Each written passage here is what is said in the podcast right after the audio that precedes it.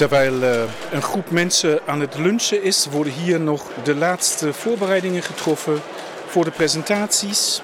Posters worden uitgepakt.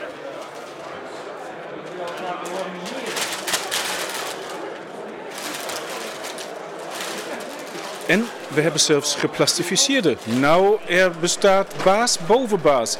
Goeiedag, podcast Pallas Athena. Mag ik u vragen wie u bent en wat u vandaag hier komt doen? Uh, ja, ik, ik, ben Edwin Dado. Ik ben uh, universitair hoofddocent bij de faculteit. Ik uh, mag vandaag een presentatie geven bij een van de workshops. En waarover, als ik mag vragen? waterveiligheid. Waterveiligheid, alsof dat belangrijk is voor Nederland. Nou, ik denk dat het zeer belangrijk is. Denk, denk maar aan de huidige top in Glasgow, waar het eigenlijk voor een deel ook gaat over waterveiligheid.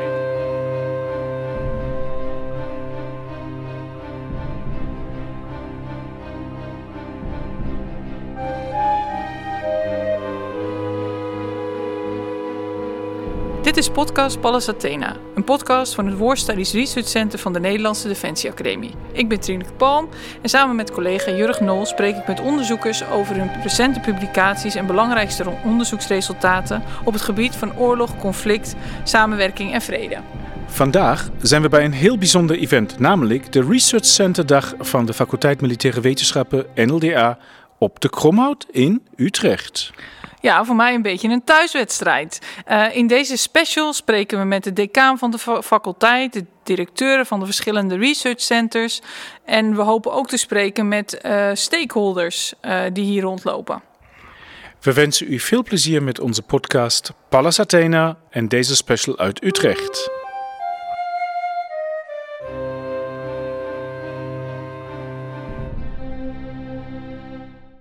Ja, mijn naam is uh, Etienne Nijenhuis. Ik werk uh, normaal voor de luchtmacht tegenwoordig bij Science and Technology Den Haag. En uh, ja, vandaag kom ik, hè, Science and Technology, die naam zit het al, kijken naar welke mooie researchgebieden er allemaal zijn binnen Defensie.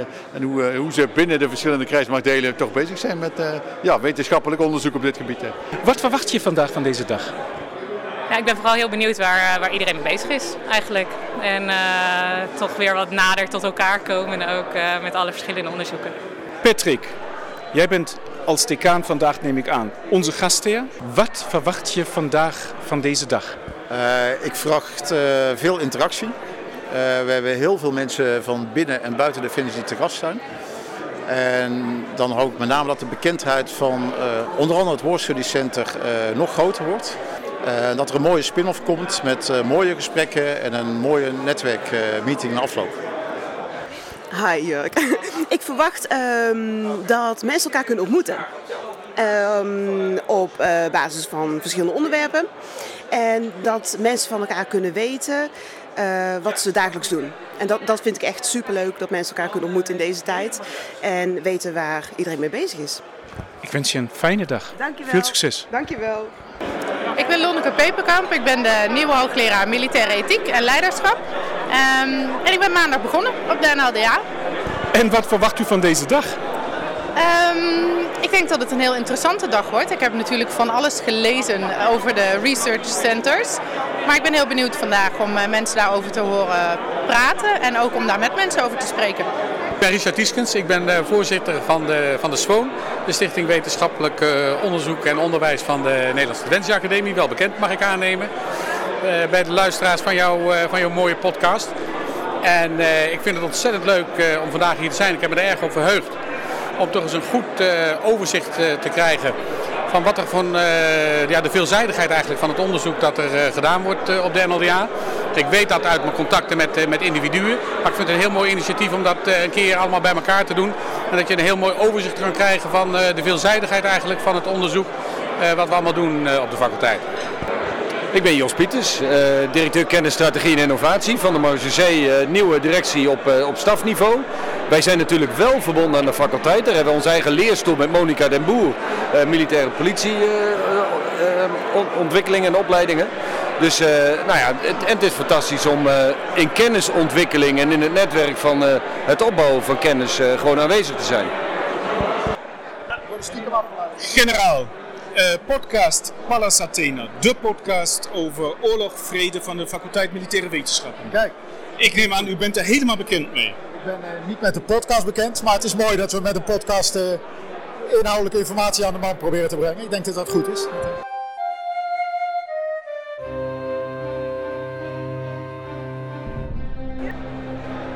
Trineke, ehm, ik zou zeggen, het is uh, behoorlijk druk. Uh, de zaal is volgelopen. Mensen uh, zitten te lunchen. Um, ik, we hebben al een beetje sfeerimpressies. We hebben al met een paar mensen gesproken. Wat zij van deze dag verwachten. En wat ik toch zie is met name dat de mensen denken van ja, toch wat meer te willen horen van wat doet de faculteit nou eigenlijk? Wat kan de faculteit voor hen betekenen? Um, wat wil jij wat verwacht jij eigenlijk van deze, wat verwacht jij van deze dag? Nou, het is mooi om te zien dat inderdaad uh, de hele organisatie hier bij elkaar komt. Dus dat we niet uh, in een ivoren torentje eh, op de faculteit zitten. Dus ik ben positief gestemd en ik hoop zometeen dat we in de plenaire sessie ook al wat goede vragen krijgen over het onderzoek wat door de faculteit wordt gedaan. Um, wij twee zullen deze dag vandaag begeleiden. en ik denk of ik weet het eigenlijk nu al, dat het een bijzonder leuke dag wordt. Dus ik wens jou en ons veel plezier. Zeker, Jurg.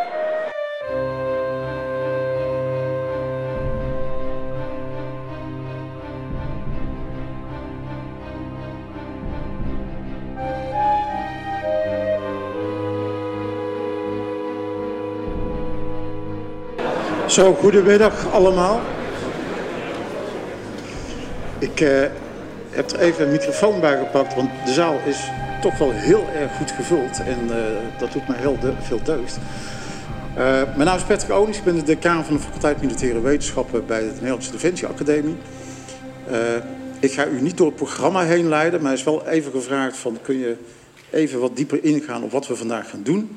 Ik zal dadelijk aftrappen met een welkomstwoord. Daarna komen drie van mijn collega's aan het woord die de researchcentra die zij vertegenwoordigen zullen presenteren in vogelvlucht. Daarna verplaatsen we ons naar de zalen hiernaast en een deel blijft hier in de zaal, afhankelijk van de keuze die gemaakt is om nader kennis te maken met de researchcentra. De researchcentra zullen de hele middag presentaties en workshops geven, verdeeld over de zalen. U vindt aan de buitenkant van de deur vindt u het programma. Uh, en tussendoor zijn er ook nog posterpresentaties. Dus er zijn een aantal zalen waar niet uh, workshops of presentaties zijn, maar er zijn posters en dan kun je één op één in contact komen met de wetenschappers die uh, daar hun poster presenteren.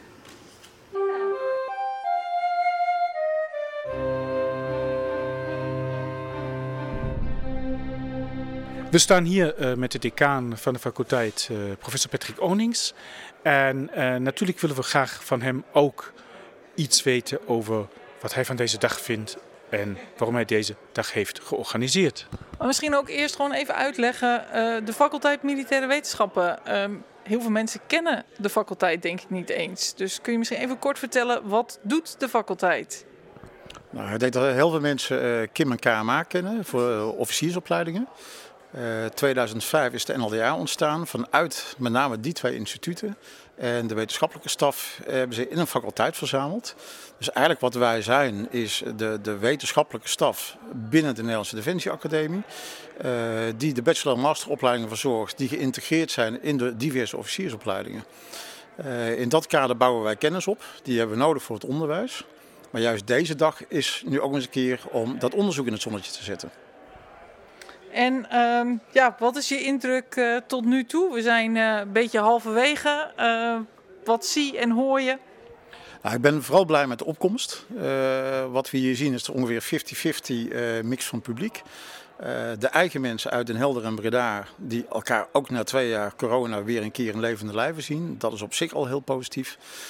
wat ik ook zie is dat de mensen vanuit Breda en Den Helder elkaars werk weer een keer wat beter zien. Er is toch best wel veel gebeurd in die tijd. En wat ik ook zie is dat de mensen, die andere 50% van zowel binnen Defensie als net daarbuiten, uh, heel erg getriggerd worden op wat wij nu doen. Die zeggen, god, dat wisten wij niet. Uh, en ik denk dat daardoor de dag nu al geslaagd is. Hè? De, de, reacties die je krijgt van, uh, doen we dit vaker? bij wie kan ik terecht? nou ja, dat soort vragen triggeren mij van, we zitten op het goede pad. Dus eigenlijk uh, is dit een soort kick-off voor iets wat nog tot veel meer mooie dingen moet gaan leiden. Uh, we, we, zijn afgelopen jaar in coronatijd gestart met de research centra. Dat is, dat is eigenlijk een beetje uh, in the skies begonnen. Wel via internet allerlei leuke dingen gedaan. Ook de podcast van jullie is daar een mooie bijdrage toe. Maar nu zie je het eindelijk een keer live. Kun je de mensen ontmoeten. En ik denk dat dit gewoon een aanzet is tot, tot meer van dit soort sessies. Patrick, um, de faculteit is in ontwikkeling. Uh, waarheen leidt de weg? En als je nou een wens hebt, wat, wat wens je persoonlijk eigenlijk voor de faculteit? Waar, waarheen zou het moeten gaan? Wat ik heel belangrijk vind is dat uh, de faculteit geaccepteerd is, zowel binnen Defensie als erbuiten, als volwaardig kennisinstituut op academisch niveau. Uh, wat we te veel zien is dat binnen Defensie uh, heel snel naar de, de traditionele kennisinstituten en academica gekeken wordt, terwijl we die kennis zelf in huis hebben. Binnenkort spreek ik ook met de CDS hierover, eind november. Uh, komt het onderwerp onderzoek komt op de agenda. En ik zal dan met de CDS, maar ook met de uh, spreken. Om juist het onderzoek op de kaart te zetten. Zodat zij ons weten te vinden. En misschien eens een keer niet bij iemand anders te raden gaan, maar naar ons komen. Nou, dat hoop ik dat in de toekomst de faculteit, uh, nou, dat we die positie wat meer gaan verkrijgen. Um, de faculteit als kennisinstituut, dat lijkt me een hartstikke mooie stip op de horizon dat ze niet meer om ons heen kunnen.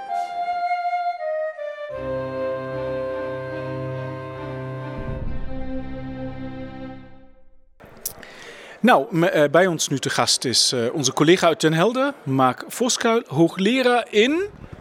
Wapen- en luchtvaartsystemen. Mark, leuk dat je daar bent. We hebben net een heel leuk praatje van je gehoord. Daar gaan we straks zeker ook nog heel veel leuke soundbites uh, in plaatsen. Maar de vraag toch allereerst, beschrijf heel kort eventjes voor onze luisteraars. Wat is jouw onderzoekscentrum precies? Uh, het onderzoekscenter, eh, Research Center Military Technology, houdt zich eigenlijk bezig met alle, alle disciplines, technische disciplines die relevant zijn voor defensie. Dus we zijn eigenlijk een hele kleine universiteit, zoals de grote TU's, maar dan vooral gefocust op ja, militair technisch relevante onderzoeken. Dan kan je denken aan wapentechnologie of radarsystemen, maar ook de pure wiskunde. Dus hoe zet je optimaal veel eenheden of onbemande systemen in? Al dat soort vraagstukken houden wij ons mee bezig. En hoeveel knappe koppen zijn er met deze thema's bezig in Den Helder? Nou, we hebben ongeveer 45 personen, variërend van uh, onderzoekers tot docenten en hoogleraren. En die werken eigenlijk over, die zijn verdeeld over acht expertisegebieden.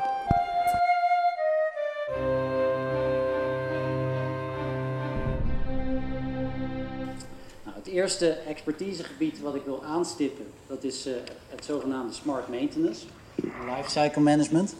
Nou, instandhouding, dat gaat primair over onderhoud van militaire systemen. Een tweede um, expertisegebied wat ik wil aanstippen is command and control.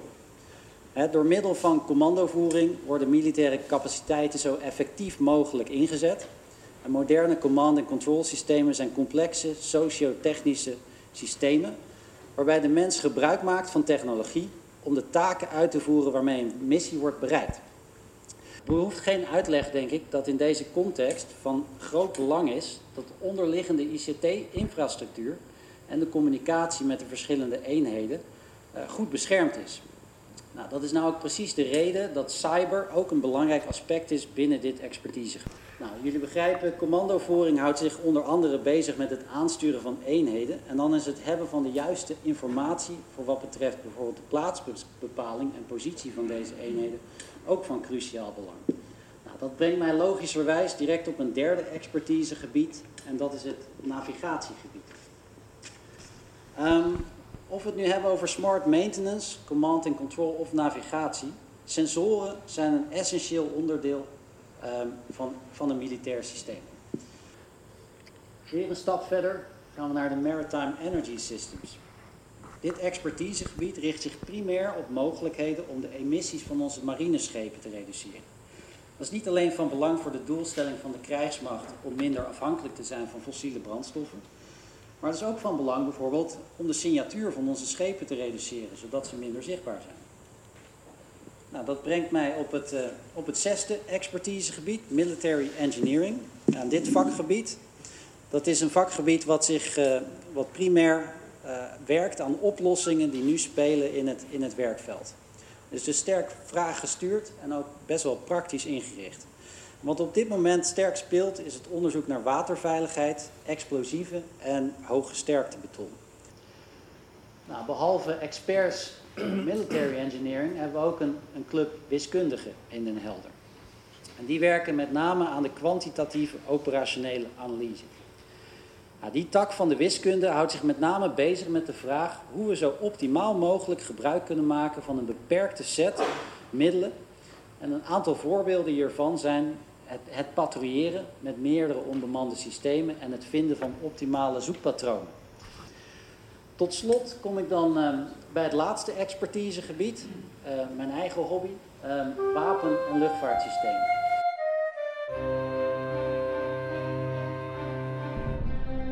Acht expertisegebieden, dat lijkt me wel een heel veel kikkers in de kruiwagen. Lukt het allemaal om het daar uh, één cent van te smeden?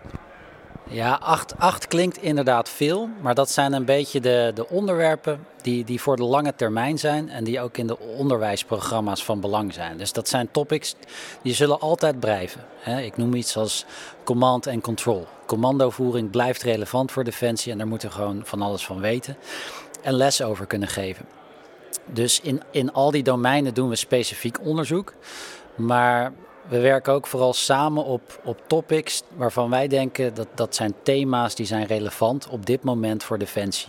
En dat, dat zijn er eigenlijk maar drie. En daar komen dan meerdere onderzoekers samen. Uh, ja. Wat zijn die uh, actuele relevante thema's waar jullie aan werken? Nou, de, het eerste thema is onbemande systemen. Het zal niemand ontgaan zijn dat er overal onbemande systemen rondvliegen. Uh, dat biedt allerlei kansen voor Defensie. Hè. We, we, kunnen ze inzetten om dan veilig te opereren en meer informatie te verkrijgen. Dus vanuit een defensieperspectief is die informatiedominantie heel belangrijk. Maar het biedt ook al, er komen ook allerlei dreigingen uh, vanuit. Hè. Er zijn ook uh, niet-statelijke actoren die onbemande systemen gebruiken als, als kamikaze-drones, et cetera. Ja, wat, dus, wat zijn kamikaze-drones? Uh, kamikaze-drones, dat zijn eigenlijk onbemande vliegtuigen. En dan de meeste mensen denken dan thuis aan iets kleins van dat speelgoed. Maar het kan best 4,5 meter spanwijdte hebben. Wat dan omgebouwd wordt met een, met een payload waar gewoon explosieven in zitten. En die laten ze dan met, uh, op een bepaalde GPS-locatie neerkomen. Nou ja, om daar een beetje gevoel voor te krijgen. Zo'n systeem kan je eigenlijk ja, voor een groot deel bij elkaar kopen. En voor ongeveer 10.000 euro kan je zo'n vliegtuig bouwen. Met een beetje kennis van zaken uiteraard. Nou ja, plaats dat in perspectief. Want een F-35, dan heb je het over 70, 80 miljoen euro. Ja, dan krijg je dus een, een disbalans en dan kan je best wel, daar komen best wel gevaarlijke situaties uit voort.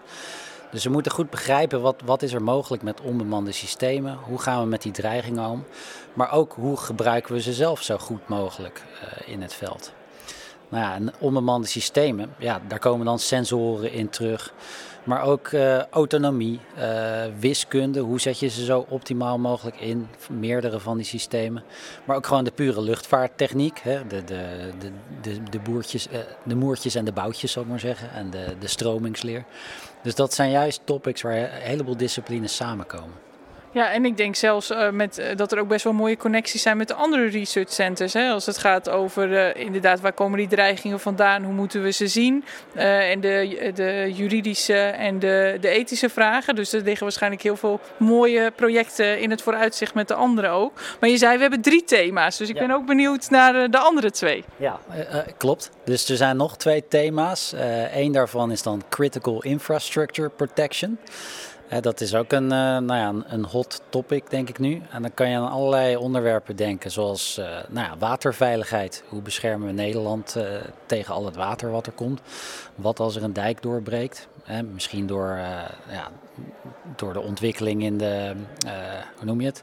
Ecologische ontwikkelingen. Maar het kan natuurlijk ook moedwillig zijn dat zoiets doorbreekt.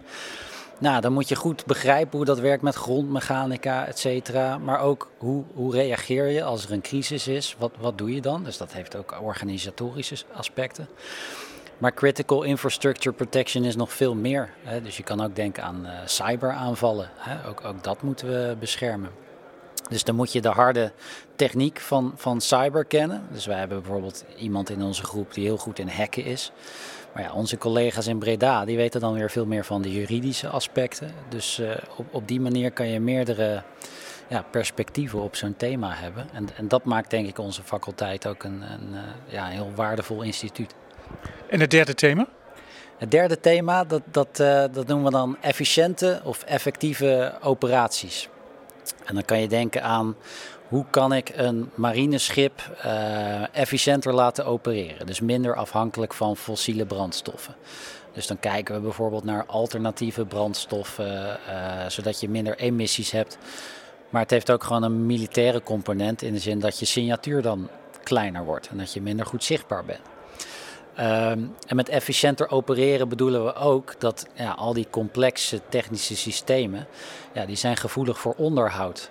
Dus je wil eigenlijk dat ze altijd inzetbaar zijn en zo goed mogelijk al dat onderhoud plannen. Aan de ene kant voor de kosten, maar aan de andere kant gewoon voor de, voor de inzetbaarheid. Dus dat is een, een, een tweede thema waar, waar meer de, laten we zeggen, de, de technici en de natuurkundigen aan, aan meewerken. Ja, ontzettend leuk. Eh, ik uh, hoop hier echt zeker uh, ook vanuit de Bredase kant meer van te zien en te horen de komende jaren. misschien als laatste vraag. onze podcast wordt goed beluisterd. Ook onder andere door ministers en hoge militairen. wat zou je voor advies mee willen geven? Of als kritische vraag willen stellen aan nou, de mensen aan de top? Een advies aan de top. Nou, dat is altijd, altijd lastig. En ik hoop ook dat ze er dan wat mee doen eh, als ik een advies geef. Um, nou ja, kijk, wat ik denk, wat ik net ook heb uitgelegd in mijn praatje, is dat eh, techniek gaat een steeds belangrijkere rol spelen voor Defensie. Er zijn allerlei ontwikkelingen. Um, en om die reden hebben we ook die ambitie uitgesproken dat Defensie een slimme, technologisch hoogwaardige organisatie moet worden. Nou ja, gezien de huidige omstandigheden moeten we dat ook nog eens met weinig mensen doen. Um, dus ik zie dat enerzijds als een hele grote uitdaging, maar anderzijds ook als een soort kans. Want ik denk juist dat het voor jonge mensen met, met affiniteit voor techniek juist super gaaf is om, om bij Defensie te werken. Uh, ook, ook op het meer technisch-wetenschappelijke vlak. En dat is ook meteen heel relevant. Dus ik denk eigenlijk dat wij de, deze kans moeten aangrijpen om die mensen naar binnen te halen. Um, maar daar blijft het niet bij, want je moet ze ook binnen houden. Hè? En, en daar gaat het denk ik op dit moment een beetje mis. Ik, ik denk dat wij ons functiehuis een beetje moeten herinrichten zodat we voor een select deel van onze officieren met, met die wetenschappelijke inslag en die affiniteit voor techniek, dat we voor die personen juist een wat meer technisch-wetenschappelijk carrièreperspectief kunnen creëren. Zodat zij echt voor die organisatie van 2035 uh, een, een belangrijke rol kunnen invullen. Dus dat zou mijn advies zijn. Dankjewel Mark uh, voor die enorm goede toelichting. Want daar zijn wij natuurlijk als sociaal wetenschappers altijd een beetje bang van. Dat als we met een techneut praten dat we daar niks van begrijpen. Maar je hebt het op een fijne, heldere manier uitgelegd. En we hopen zeer dat je nog eens een keer bij ons in de podcast met je eigen onderwerp te gast kunt zijn. Dankjewel Mark. Ja, geen dank. Ik kom graag langs.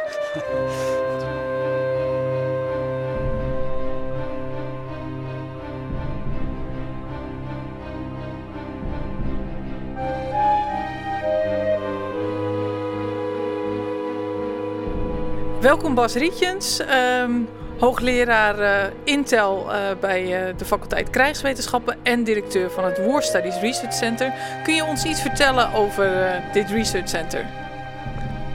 Het Research Center, het War Studies Research Center, herbergt eigenlijk de, de grootste, een hele grote gemeenschap van onderzoekers die zich allemaal bezighouden met het brede terrein van krijgswetenschappen. Dan kun je denken aan, aan militaire geschiedenis, internationale veiligheidsstudies. Uh, ik zelf zit op inlichtingen en veiligheid, militair operationele wetenschappen. Dus eigenlijk het hele brede spectrum van alle disciplines die zich daarmee bezighouden. En wat we proberen is uh, heel grondig disciplinair, monodisciplinair onderzoek te doen. Maar nadrukkelijk ook uh, de bruggen te slaan tussen die verschillende disciplines. Om op zo'n manier een wetenschappelijke bijdrage te leveren aan het veld. Maar nadrukkelijk ook die kennis te gebruiken om in te zetten in het onderwijs, het wetenschappelijk onderwijs, het toegepast onderwijs, maar ook richting de krijgsmacht zelf en het ministerie van Defensie in de breedte. Je zegt net uh, bruggen slaan tussen de verschillende disciplines. Nu ben jij ingenieur. En uh, dat betekent natuurlijk, je hebt er een beetje, neem ik aan, bouwkundige ervaring ook. Uh, de grote vraag is dan natuurlijk, Wat zijn de grootste obstakels, denk jij, om bruggen te slaan tussen de verschillende disciplines? Want het zijn natuurlijk heel veel verschillende disciplines. Dat bedoel je binnen de krijgs, eh, krijgswetenschappelijke vakgroep. Uh, die, die zijn dus onder meer. Uh, dat zijn natuurlijk, we hebben een aantal mensen die met een civiele achtergrond daar zitten. zijn gewoon civiel medewerkers. We hebben militairen die daar zitten. Mensen die methodologisch heel anders zijn, zijn opgeleid.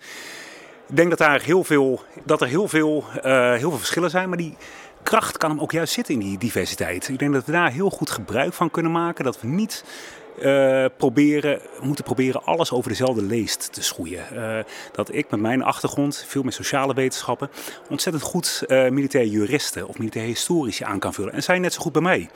Dus ik denk dat we veel meer uit moeten gaan van de kracht die die, die interdisciplinariteit en die diversiteit vooral brengt, in plaats van die verschillen moeten gaan benadrukken.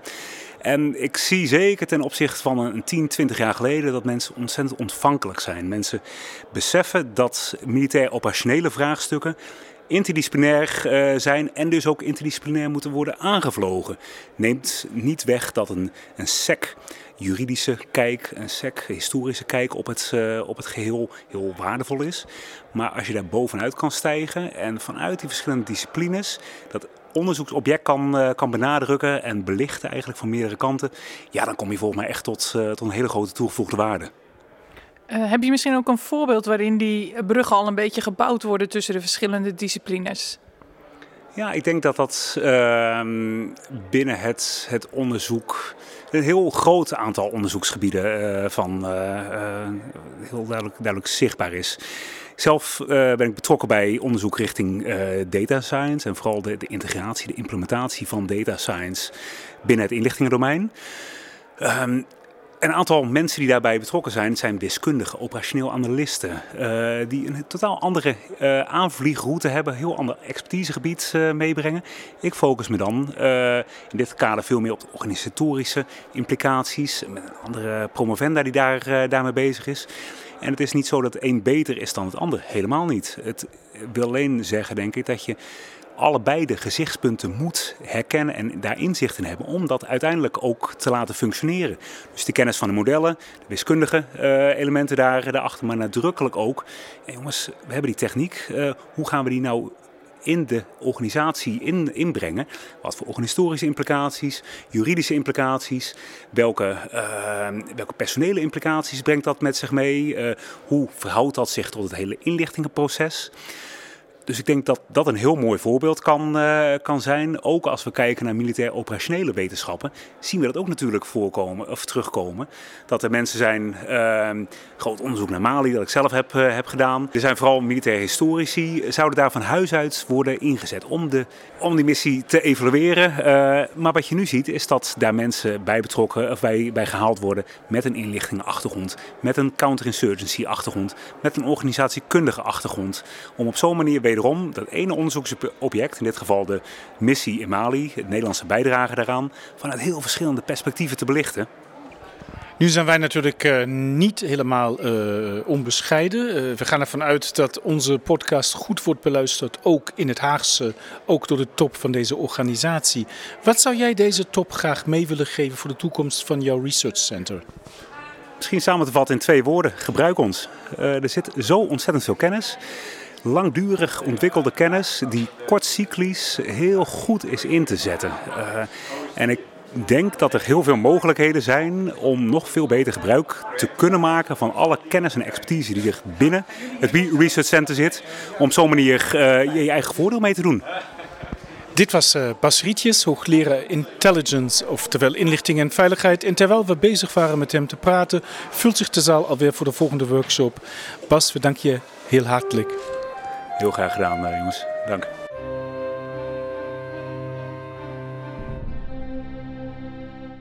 En een van de presentaties uh, die we, waarvan het staatje nog even mee van konden pikken, was van Dr. Roy Lindelauf over data science, over zijn Data Science Center of Excellence. Hij presenteerde vanuit zijn huiskamer en de zaal, die heel goed gevuld was, had een hoop vragen aan hem. Goeiedag, ik werk bij het Joint Kenniscentrum Inlichting en Veiligheid van KLAS.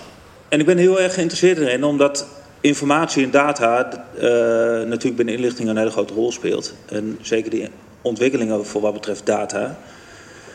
Um, dus ik ben heel erg uh, uh, geïnteresseerd om een keer met testen in ieder geval te praten. Want dat is een van mijn vraagstukken binnen het kenniscentrum. Hoe ga ik dat nou implementeren binnen het inlichtingenwerk, laat ik maar zo zeggen. Voor de verschillende niveaus van militair optreden. Um, maar een specifieke uh, onderzoeksvraag zou voor mij zijn: hoe kan ik uit die bulkdata die er is en die toch wel komt van al die sensoren die we hebben, hoe krijg ik daar nou dat stukje data uit die ik nodig heb om mijn vraag te kunnen beantwoorden, oftewel dataselectie? He, dus iedereen heeft over, ja, we hebben zoveel data, zoveel informatie. En we, we gaan kijken hoe we dat kunnen opslaan en verwerken. Uh, maar ik ben juist geïnteresseerd in net dat kleine stukje in de grote hooiberg. Um, en ik, heb, ik, ik zit daar niet genoeg in. Uh, maar ik ben heel erg benieuwd of daar misschien onderzoek aan gedaan zou kunnen worden. Uh, hoe bijvoorbeeld een indicator uit zo'n dataset kunnen halen.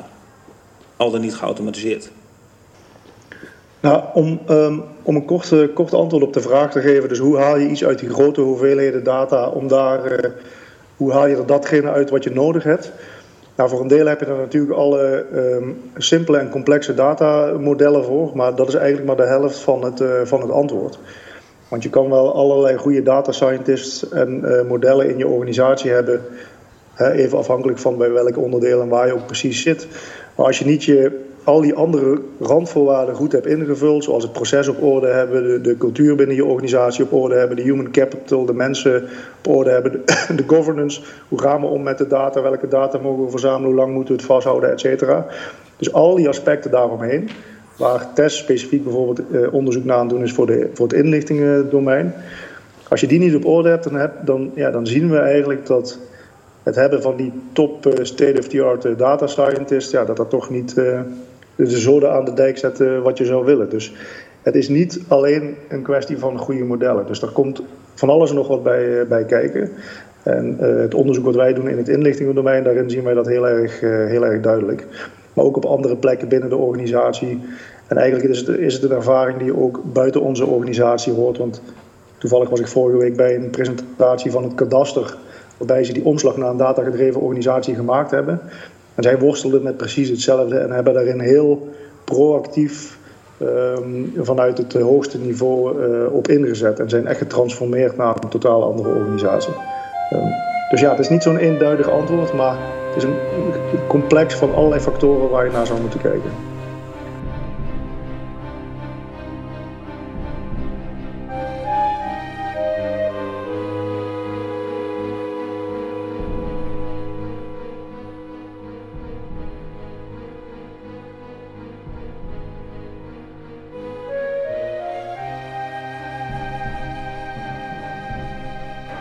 Erik Hans uh, Kramer, uh, hoofd van het uh, Research Center Military Management van de faculteit van Militaire Wetenschappen. Ehm, ja, kun je iets vertellen over je eigen achtergrond en het Research Center waar je leiding aan geeft? Ja, wat, um, ja mijn, mijn, mijn eigen achtergrond is de bedrijfskunde en de toegepaste bedrijfskunde. En wat, um, wat, wat eigenlijk in die bedrijfskunde ja, eigenlijk heel centraal staat, is dat je niet vanuit één discipline over problemen in organisaties nadenkt, maar dat je probeert verschillende disciplines te combineren. En als je nou kijkt, uh, wat nou heel kenmerkend is voor onze vakgroep, is dat je, je hebt ethici en uh, logistiekelingen, uh, economen en antropologen, nou nog veel meer. Dat lijkt me best wel een spannende ja. combinatie om die bij elkaar aan tafel te zetten. Ja, dat was eigenlijk de uitdaging, want dat is de uitdaging voor, um, dat is de uitdaging voor, uh, in het, ja, voor het opzetten daarvan eigenlijk. En wat wij hebben gedaan is eigenlijk is bij ons iedereen ervan overtuigd. Dat is eigenlijk wat het, dat is makkelijk hè. Dus iedereen is ervan overtuigd dat interdisciplinariteit heel erg van belang is. Dus eigenlijk zijn al die specialisten zijn eigenlijk bereid om over de grenzen van hun eigen specialisme na te denken. Omdat ze denken dat het nodig is voor organisaties. Voor, uh, omdat het nodig is voor een militaire organisatie die met, met, met, met echt, voor echt complexe vraagstukken staat op het gebied van innovatie, bedrijfsvoering. Maar ook uh, als het gaat om uh, bijvoorbeeld veteranenzorg. Dus iedereen is overtuigd dat je, dat je over de grenzen moet kunnen denken van je eigen discipline. En uh, in een aantal stappen hebben we een idee ontwikkeld hoe we dat kunnen vormgeven in, een, uh, in, een, in de opzet van een research center. En met hoeveel mensen zitten jullie dan ongeveer uh, aan tafel uh, bij dat Military Management Research Center? Ja, we hebben in twee stappen gedaan. We hebben het eerst met de hele vakgroep. We hebben dus een, een combinatie gedaan van, een, van, een, van plenaire sessies met de hele vakgroep. En we, hebben, we werken met, met een, wat, een kleiner projectteam van mensen die enthousiast zijn en die, die mee willen werken aan, uh, aan ontwikkelingen. En dat zijn ontwikkelingen op diverse terreinen. Bijvoorbeeld, we zijn nu bezig, uh, er is trouwens ook research uh, bij betrokken, het ontwikkelen van een ethisch protocol bijvoorbeeld. Dat is dan toevallig iets wat opgepakt wordt in zo'n projectgroepje.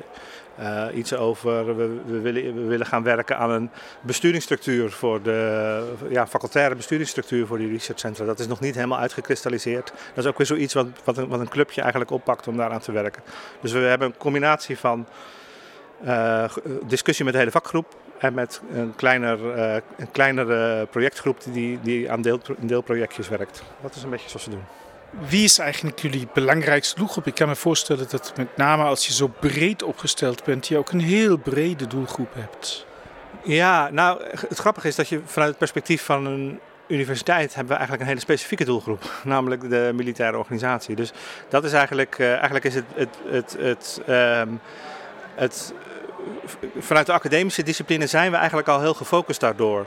En dat is eigenlijk ook wat, uh, ik zei net het belang van interdisciplinariteit, dat is eigenlijk ook wat voor ons heel belangrijk, wat ons eigenlijk samenbindt. Wij allemaal zijn uh, betrokken bij ja, vraagstukken die in de krijgsmacht leven. Het is natuurlijk wel zo dat de ene een onderzoek opzet wat gaat over uh, service logistics. Wat, wat, en dat is een heel ander type onderzoek als mensen die zich bezighouden met moral injury. Dat, dat richt zich ook op hele verschillende partijen in de krijgsmacht. Wat, wat ik altijd wel probeer is om als ik zelf bijvoorbeeld een case opzet, is dat daar een probleem in zit of een vraagstuk in zit, wat niet alleen in die case zit, maar dat, wat, je, wat je kan herkennen in een heleboel, uh, een heleboel plaatsen in de krijgsmacht. Kun je een voorbeeld van geven? Ja, dat kan.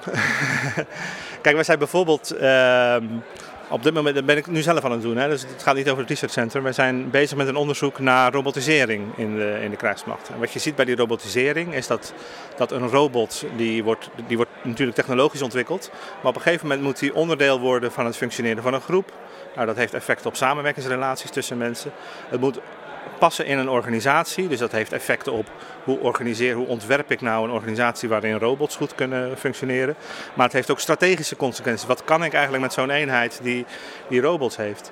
Nou, wat wij nou uh, proberen te doen, is dus in in de militaire organisatie zijn dat soort experimenten gaande. En wij proberen nou een, een ja, actieonderzoek, noemen we dat, een dialoog op te starten met dat werkveld om om ze ja, te, mede te ondersteunen bij, uh, bij die, die verschillende vragen aan elkaar te koppelen. Misschien nog even als laatste vraag. Um, uh, ja, wij verwachten met onze podcast dat wij ook een groot bereik hebben. Dus wij denken dat ook de CDS en de minister af en toe wel eens stiekem naar onze podcast luisteren. En mijn vraag is eigenlijk, ja, wat, wat zou je hen willen meegeven of specifiek willen vragen vanuit dus dat military management perspectief? Ja, de CDS of de minister? Daar mag je zelf kiezen, ja. ja. nou, we gaan ervan uit dat het hetzelfde is. Wat, wat, uh, wat, uh, wat ik zou mee, willen meegeven is dat, dat ik denk dat wij een, uh, best een beetje een bijzondere omgeving hebben. Ik, ik, uh, ik zei het net ook in de presentatie, dat wij een, een bijzondere omgeving hebben. Waarin we dus aan, de ene, aan de ene kant aandacht hebben voor, of, of, zicht hebben op allerlei relevante ontwikkelingen in academische gebieden. En anderzijds hebben wij een kennis van de militaire context. Ik, ik, ik, ben, ik zelf, ik weet niet of het helemaal het goede voorbeeld is, maar ik ben zelf 17 jaar geleden gepromoveerd. En um, een week of een maand of zo geleden had de CDS het over scalable eenheden. Nou, en eigenlijk in mijn proefschrift van 17 jaar geleden komt dat idee, dat, dat staat, er in de, staat er gewoon vrijwel letterlijk in. Dus je ziet eigenlijk de minister moet uh, jouw proefschrift eerst nog maar eens gaan lezen. Ja, je, je, ziet dus eigenlijk dat er in zo'n uh, academisch veld, waar ik, ik bedoel, ik ben niet, het is niet een soort genialiteit, het is, het is gewoon een ontwikkeling wat, uh, wat, wat, wat al langer plaatsvindt in de, in de buitenwereld, die ik eigenlijk naar het militaire domein toen bracht. En ik denk dat bij een heleboel vraagstukken dat soms militairen denken dat ze heel bijzonder en uniek zijn, terwijl ze toch al relateren aan ontwikkelingen die eigenlijk in de buitenwereld al spelen. Dankjewel, Erik Hans. Graag gedaan. Dit was uh, Erik Hans Kramer, hoogleraar militair management en bedrijfswetenschappen uh, voor de podcast Pallas Athena. Dankjewel, Erik Hans.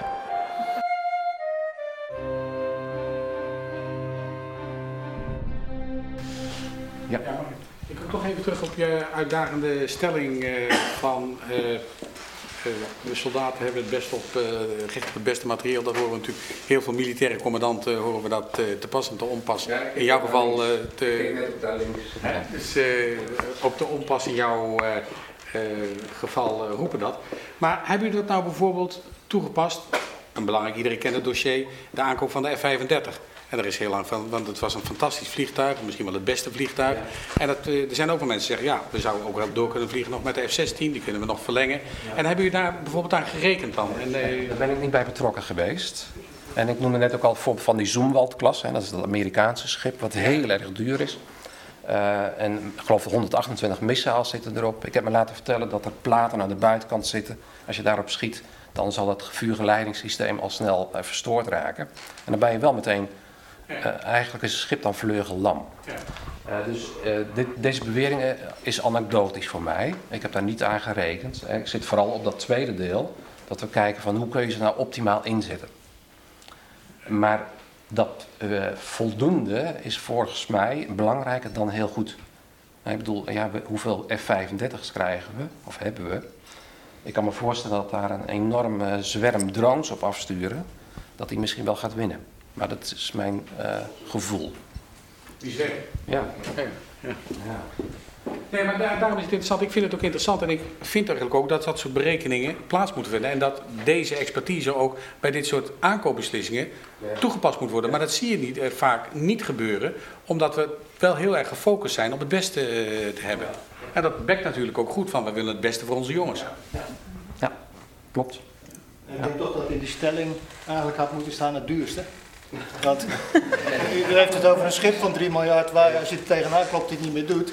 Dat noem ik niet het beste materieel. Waarschijnlijk wel het duurste, maar niet het beste. Maar dat, dat wordt wel zo geassocieerd natuurlijk. Hè? Het mag duur zijn, het mag wat kosten.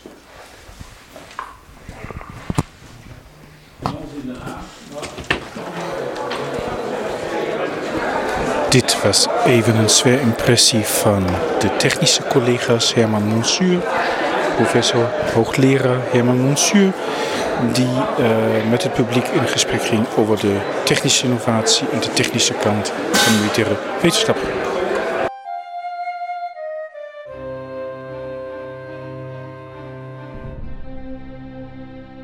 Net al een goede vraag tijdens de sessie hoorde ik, dus uh, daar mag, mag ik jou een vraagje stellen. Ja. Uh, Dag Lauren Gold uh, van de Universiteit Utrecht. Uh, ontzettend leuk dat jij vandaag ook bij deze onderzoeksdag bent. Uh, kun je vertellen waarom je hier bent en wat je verwacht qua onderzoekssamenwerking met de faculteit? Nou, zeker weten. Ik ben hier omdat ik uitgenodigd ben door uh, Bas Rintjes, die net aan het woord was. En dat wij zijn samen uh, de promotor van David Snetselaar. Over, en je doet promotie naar hybrid warfare. En, en dus de samenwerking is eigenlijk bottom-up begonnen. Um, en ik ben hier om meer te leren over de faculteit, wat er allemaal gebeurt. En waar er mogelijke toekomstige samenwerkingsprojecten uit zouden kunnen rollen.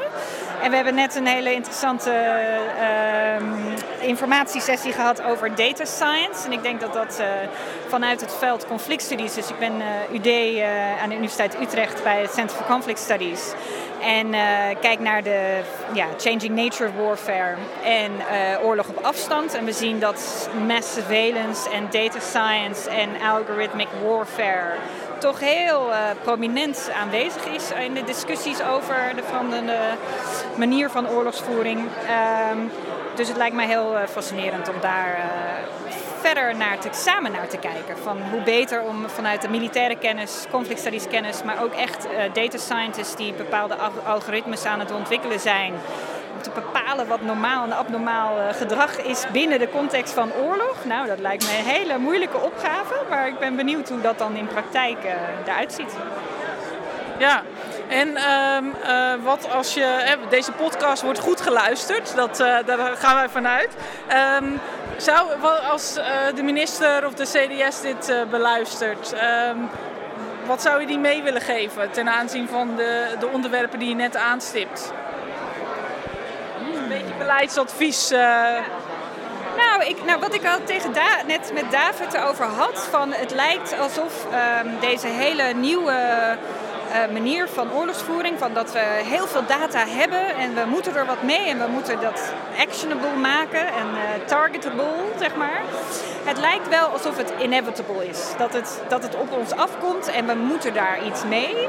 Maar ik denk dat uh, we wel eerst echt hele fundamentele vragen moeten gaan stellen. Van ja, wat is deze technologische ontwikkeling een oplossing voor? Wat, wat, waarmee gaat het ons nou precies helpen en gaat het dingen niet soms ook wel verergen.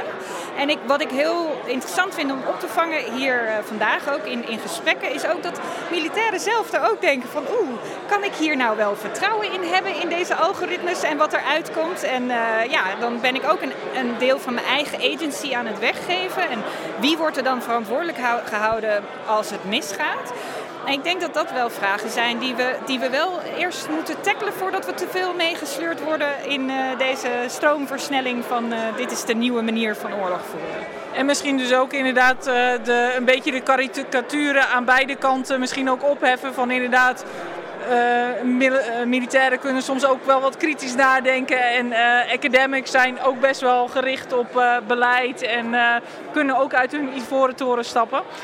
David, kun jij misschien ook nog kort iets vertellen over jouw promotieonderzoek waar net al naar werd verwezen? zeker. Het is toch grappig. Ik denk dat als ik even zo voortborduur op wat jij net zei over de, de workshop die we net hebben gehad over data science. Vanuit mijn onderzoek zou ik heel erg kijken naar misschien de politieke kant van data science. Um, Roy uh, presenteerde net drie punten. En ik zou daar misschien. Roy Lindenlauf. Roy Lindenlauf, inderdaad. Uh, excuseer. En ik zou daar denk ik de derde of vierde punt aan toevoegen is hoe kijken we naar data science ook een beetje binnen de politiek-militair strategisch uh, perspectief.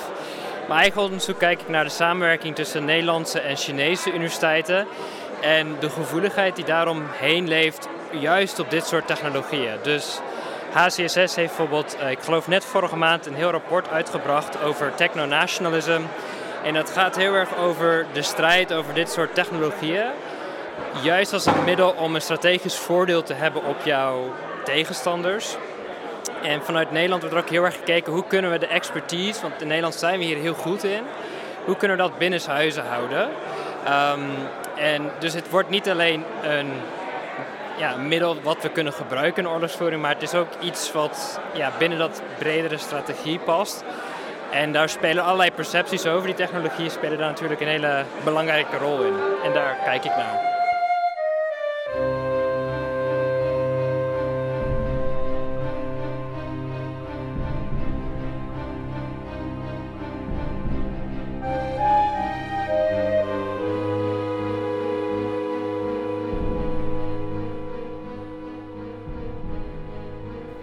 Trineke, net had ik uh, in de loop van deze ochtend had ik met jou gesproken over van wat verwachten wij eigenlijk zo'n beetje van deze dag. Nu zijn we op het einde aangekomen en kijken we een beetje terug. Wat vond je van deze dag? Nou, hartstikke leuk, hartstikke mooi. Um, en ik moet zeggen, ik ben ook zelf weer een beetje positief verrast. Uh, bijvoorbeeld, uh, hè, als ik dan de Research Center technology hoor, dan, uh, dan denk ik toch al snel, nou, daar begrijp ik niks van en moeilijk en ingewikkeld. Maar ik vond dat uh, de hoogleraar uh, Voskuil ja, een bijzonder goed verhaal had over waar ze mee bezig zijn. En waarbij ik ook heel erg veel aansluitingspunten zie met, met wat we bij war, war studies doen, wat er bij military management gebeurt. Dus ja, ik denk dat het heel veel mooie kansen heeft laten zien om ook met elkaar samen te werken. Um, en het punt uh, wat door uh, Bas Rietjens uh, van het War Studies Research Center werd gemaakt, zou ik ook wel willen onderstrepen. Hè, gebruik ons dus ook echt heel erg naar de militaire kant, naar het ministerie toe. Ehm, dit, dit hebben we in huis en we zijn graag bereid om op verzoeken in te gaan om in prangende vraagstukken te duiken en met mee te denken over oplossingen. Nou ja, uh, uh, dat waren inderdaad ontzettend interessante en belangrijke punten. En wat mij nog zo echt bijstaat, is ook die enorme drive om uh, in de toekomst veel meer projecten samen te ontwikkelen. Niet zozeer alleen uit hobbyisme of omdat men elkaar leuk vindt, maar omdat, denk ik, vandaag ook voor iedereen een beetje duidelijk werd hoe ingewikkeld, hoe complex de vraagstukken zijn waar wij ons als faculteit mee bezighouden, waar Defensie zich mee bezighoudt en waar onze belanghebbenden, stakeholders, eigenlijk ook behoefte aan hebben. Namelijk dat wij helpen in complexe vraagstukken met duiding te komen. Niet per se met antwoorden, maar in elk geval richting ook kunnen geven voor ze. En dan zie je dus inderdaad dat uh, zoiets als een technisch vraagstuk ook heel snel ethische, juridische en sociale aspecten heeft. En andersom, dat veel van die vraagstukken die wij hebben, bij War Science bijvoorbeeld, uh, technische kanten hebben waarvan wij weinig weten. Maar er was nog iets wat opviel. Het was eigenlijk niet alleen een dag voor onze stakeholders. Het was ook inderdaad heel erg een dag waarin we elkaars onderzoek uh, ja, hebben gezien. Uh, als ik voor mezelf spreek, ik ben bij uh, de academie komen werken in een coronajaar. Dus eigenlijk blijft heel veel op afstand. En dan zie je gewoon als je met posters, uh, met koffiepauzes, dat de luiken weer een beetje open gaan. En dat je echt kan zien bij elkaar, oh hier ben je mee bezig. Al in al een geslaagde dag. Complimenten aan onszelf, maar met name de directeuren van de research centers en natuurlijk de decaan en onze twee fantastische collega's Laura Elshoff en Femke Remnitz. Althans, zij is natuurlijk van de Research, uh, War Studies Research Center. Dat betekent onze rechtstreeks aanspreekpersoon ook. En Frank van de onderzoekskant. Van Frank van den Bos, inderdaad, die samen met Laura ook deze dag heeft georganiseerd. Uh, prachtige collega's, fijne dag. En ik heb eigenlijk zin nu in een borrel. Laten we gaan borrelen.